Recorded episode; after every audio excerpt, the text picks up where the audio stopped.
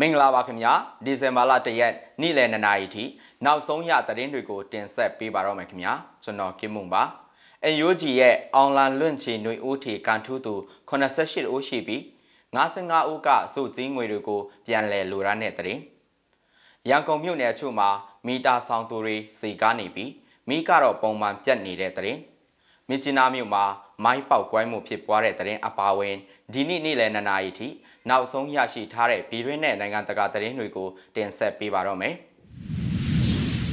ပထမဆုံးတင်ဆက်ပေးချင်တဲ့သတင်းကတော့အမျိုးသားညီညွတ်ရေးအစိုးရ NUG ရဲ့အွန်လိုင်းလွင့်ချီຫນွေဦးထီကန်ထူးသူ88ဦးရှိပြီး55ဦးကစုစည်းငွေတွေကိုပြန်လည်လူတိုင်းခဲ့ကြောင်းဒီကနေ့ဒီဇင်ဘာလ3ရက်နေ့မှာသတင်းထုတ်ပြန်ပါတယ်။စုစည်းအနေနဲ့တစုကို15သိန်းစီအငီအမြတ်သတ်မှတ်ထားပြီး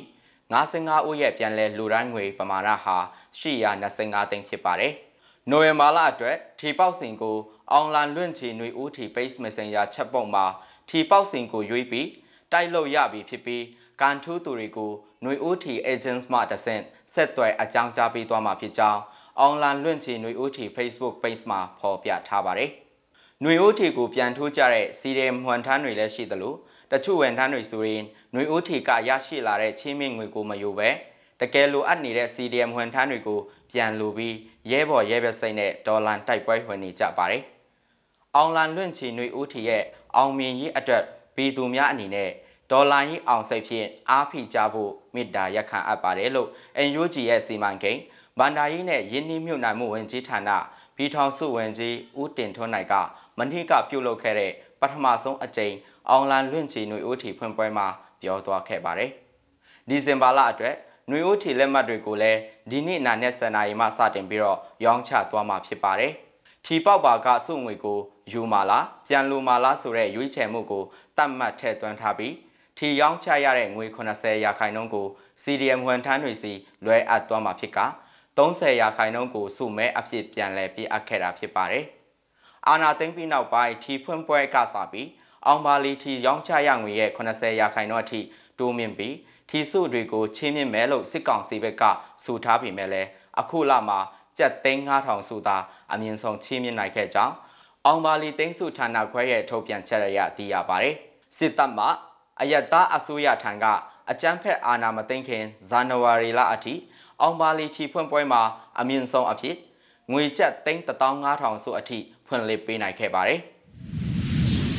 ဆက်လက်ပြီးတော့ ရန်ကုန်မြို့နေရာတော်တော်များများမှာလျှက်စစ်မီတာပေးဆောင်ဖို့တန်းစီစောင့်ဆိုင်နေသူလူရာကနန်းခန့်ရှိနေတာကိုနွေမာလ30ရက်နာနဲ့ပိုင်းမှာမစ္စည်းမသတင်းထောက်တွေကတွေ့မြင်ခဲ့ရပါတယ်။တောင်တကုံမြို့နယ်လျှက်စစ်မီတာရုံးမှာလူ900ဝန်းကျင်မှ600ဝန်းကျင်အထိရှိနေပြီးနေ့လယ်တနာရီခန့်အထိတန်းစီစောင့်ဆိုင်နေသူတွေလည်းရှိနေပါသေးတယ်။တင်ကန်းကျွန်းတာဂီတာမြို့နယ်တွေမှာရှိတဲ့လျှက်စစ်မီတာရုံးတွေရဲ့အရှိမလည်း မီတာခပေးဆောင်ဖို့စောင့်ဆိုင်နေတဲ့လူရာကနန်းခန့်ရှိနေပါတယ်။မီတာဆောင်ကြတဲ့ပြည်သူတွေဟာအိမ်ငါးနေထိုင်ရသူများအများဆုံးဖြစ်ကြပြီးအိမ်ပိုင်ရှင်တွေကိုမလွန်ဆန်နိုင်တဲ့အတွက်မီတာခများလဆင်ပေးဆောင်ကြရတယ်လို့မီဇီမာကိုပြောကြပါတယ်။မီတာမဆောင်ပဲကျွန်တော်တို့လည်းနေချင်းပြီမဲ့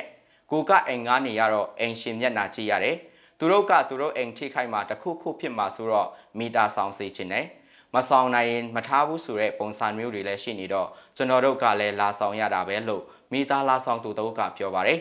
မီတာခများကတော့ပုံမှန်ထက်ဈေးနှစ်ဆလောက်များပြားနေတယ်လို့ငင်းညူတာတွေကိုလည်းမီတာဆောင်သူတွေစီကကြားသိခဲ့ရပါတယ်မီတာခတွေကခံမှန်းကောက်တယ်လို့ပြောကြတယ်ဗျကျွန်တော်တို့ဆယ်ဘီအိမ်လေး TV ကြည့်တာထမင်းဟင်းချက်တာလောက်ပဲသုံးတာတော့တလ3000လောက်ကြတယ်ဗျလို့သူကပြောပါတယ်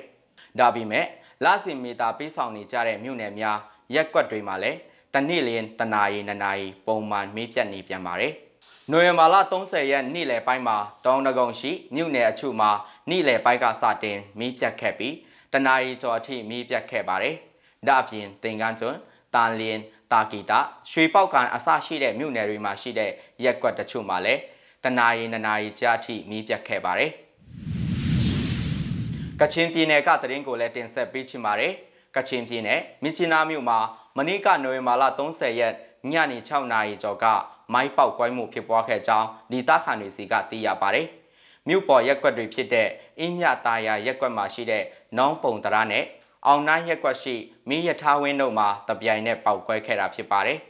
အင်းမြတာယာရက်ကွက်အနီးမှာမြစ်ချနာမြို့ရဲ့အထိုင်တပ်တစ်ခုဖြစ်တဲ့အမတ်30ခွန်ချီလင်တရင်နဲ့အမတ်ခွန်ပညာရေးလေ့ကျင့်ရေးတပ်တို့တည်ရှိနေပြီးအောင်နှိုင်းရက်ကွက်မှာ မြစ်ချနာမိယထာဘူတာယုံနဲ့မိယထာရဲတပ်ဖွဲ့ဝင်များတည်ရှိနေပါတယ်။အဆိုပါပောက်ကွဲမှုကြောင့်ထိခိုက်ပျက်စီးမှုကိုစုံစမ်းနေဆဲဖြစ်ပါတယ်။မြစ်ချနာမှာမနိကနာနဲ့9နာရီကျော်ကလည်းမြစ်ချနာတရားလွတ်တော်ရုံးအတွင်အတန်မိုင်းပောက်ကွဲခဲ့ပါသေးတယ်။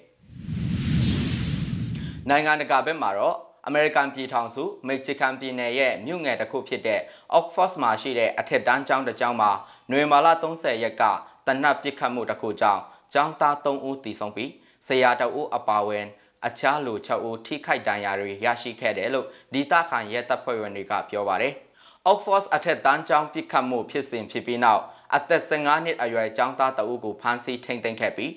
တနတ်တလက်ကိုလည်းတင်စိထားခဲ့တယ်လို့ဥက္ကလန်ကောင်တီရဲဌာနကထုတ်ပြန်ချက်တဆောင်ထုတ်ပြန်ပြောဆိုပါတယ်။ပြစ်ခတ်မှုကျိုးလွန်တယ်လို့တန်တရားရှိတဲ့ចောင်းသားကိုဖမ်းဆီးရမှာတစုံတရာခုခံမှုမရှိခဲ့ပါဘူး။ သူကရှိနေခေါ်ပြီးဖို့ပဲပြောခဲ့ပါတယ်။ဘာကြောင့်ပြစ်ခတ်မှုလုပ်ခဲ့ရတယ်လဲဆိုတာနဲ့ပတ်သက်လို့ပြောဆိုခဲ့တာမရှိပါဘူးလို့ထုတ်ပြန်ချက်မှာပြောထားပါတယ်။ဒါဟာတိတ်ကိုဝန်းနေစရာကောင်းတဲ့အခြေအနေတစ်ခုဖြစ်ပါတယ်လို့ရဲအရာရှိတအုပ်ဖြစ်တဲ့ Michael McCarby က Fox News ကိုပြောပါတယ်။ခုဖြစ်ရကြောင်းကြည်ကွိုင်းဝမ်းနေနေရတဲ့အကြောင်းသားမိဘတွေအများကြီးရှိပါတယ်လို့လည်းသူကပြောပါတယ်။အဲ့ဒီပြစ်ခတ်မှုဟာ Detroit မြို့ရဲ့မြောက်ဘက်မိုင်40 65ကီလိုမီတာခန့်အကွာမှာရှိတဲ့ မြို့ငယ်လေးတစ်ခုဖြစ်တဲ့ Oxford မှာဖြစ်ပွားခဲ့တာဖြစ်ပါတယ်။ရဲတပ်ဖွဲ့ဝင်တွေရဲ့ပြောဆိုချက်အရ၎င်းတို့ဟာရင်းနှီးမွန်းလွဲပိုင်းမှာအရေးပေါ်ဖုန်းခေါ်ဆိုမှုတရားကျော်လက်ခံရရှိခဲ့ကြောင်းနဲ့ပြစ်ခတ်သူဟာ9မိနစ်ခန့်အတွင်းတနတ်နဲ့15ချက်အချက်20လောက်ပြစ်ခတ်ခဲ့ကြောင်းပြောခဲ့ပါတယ်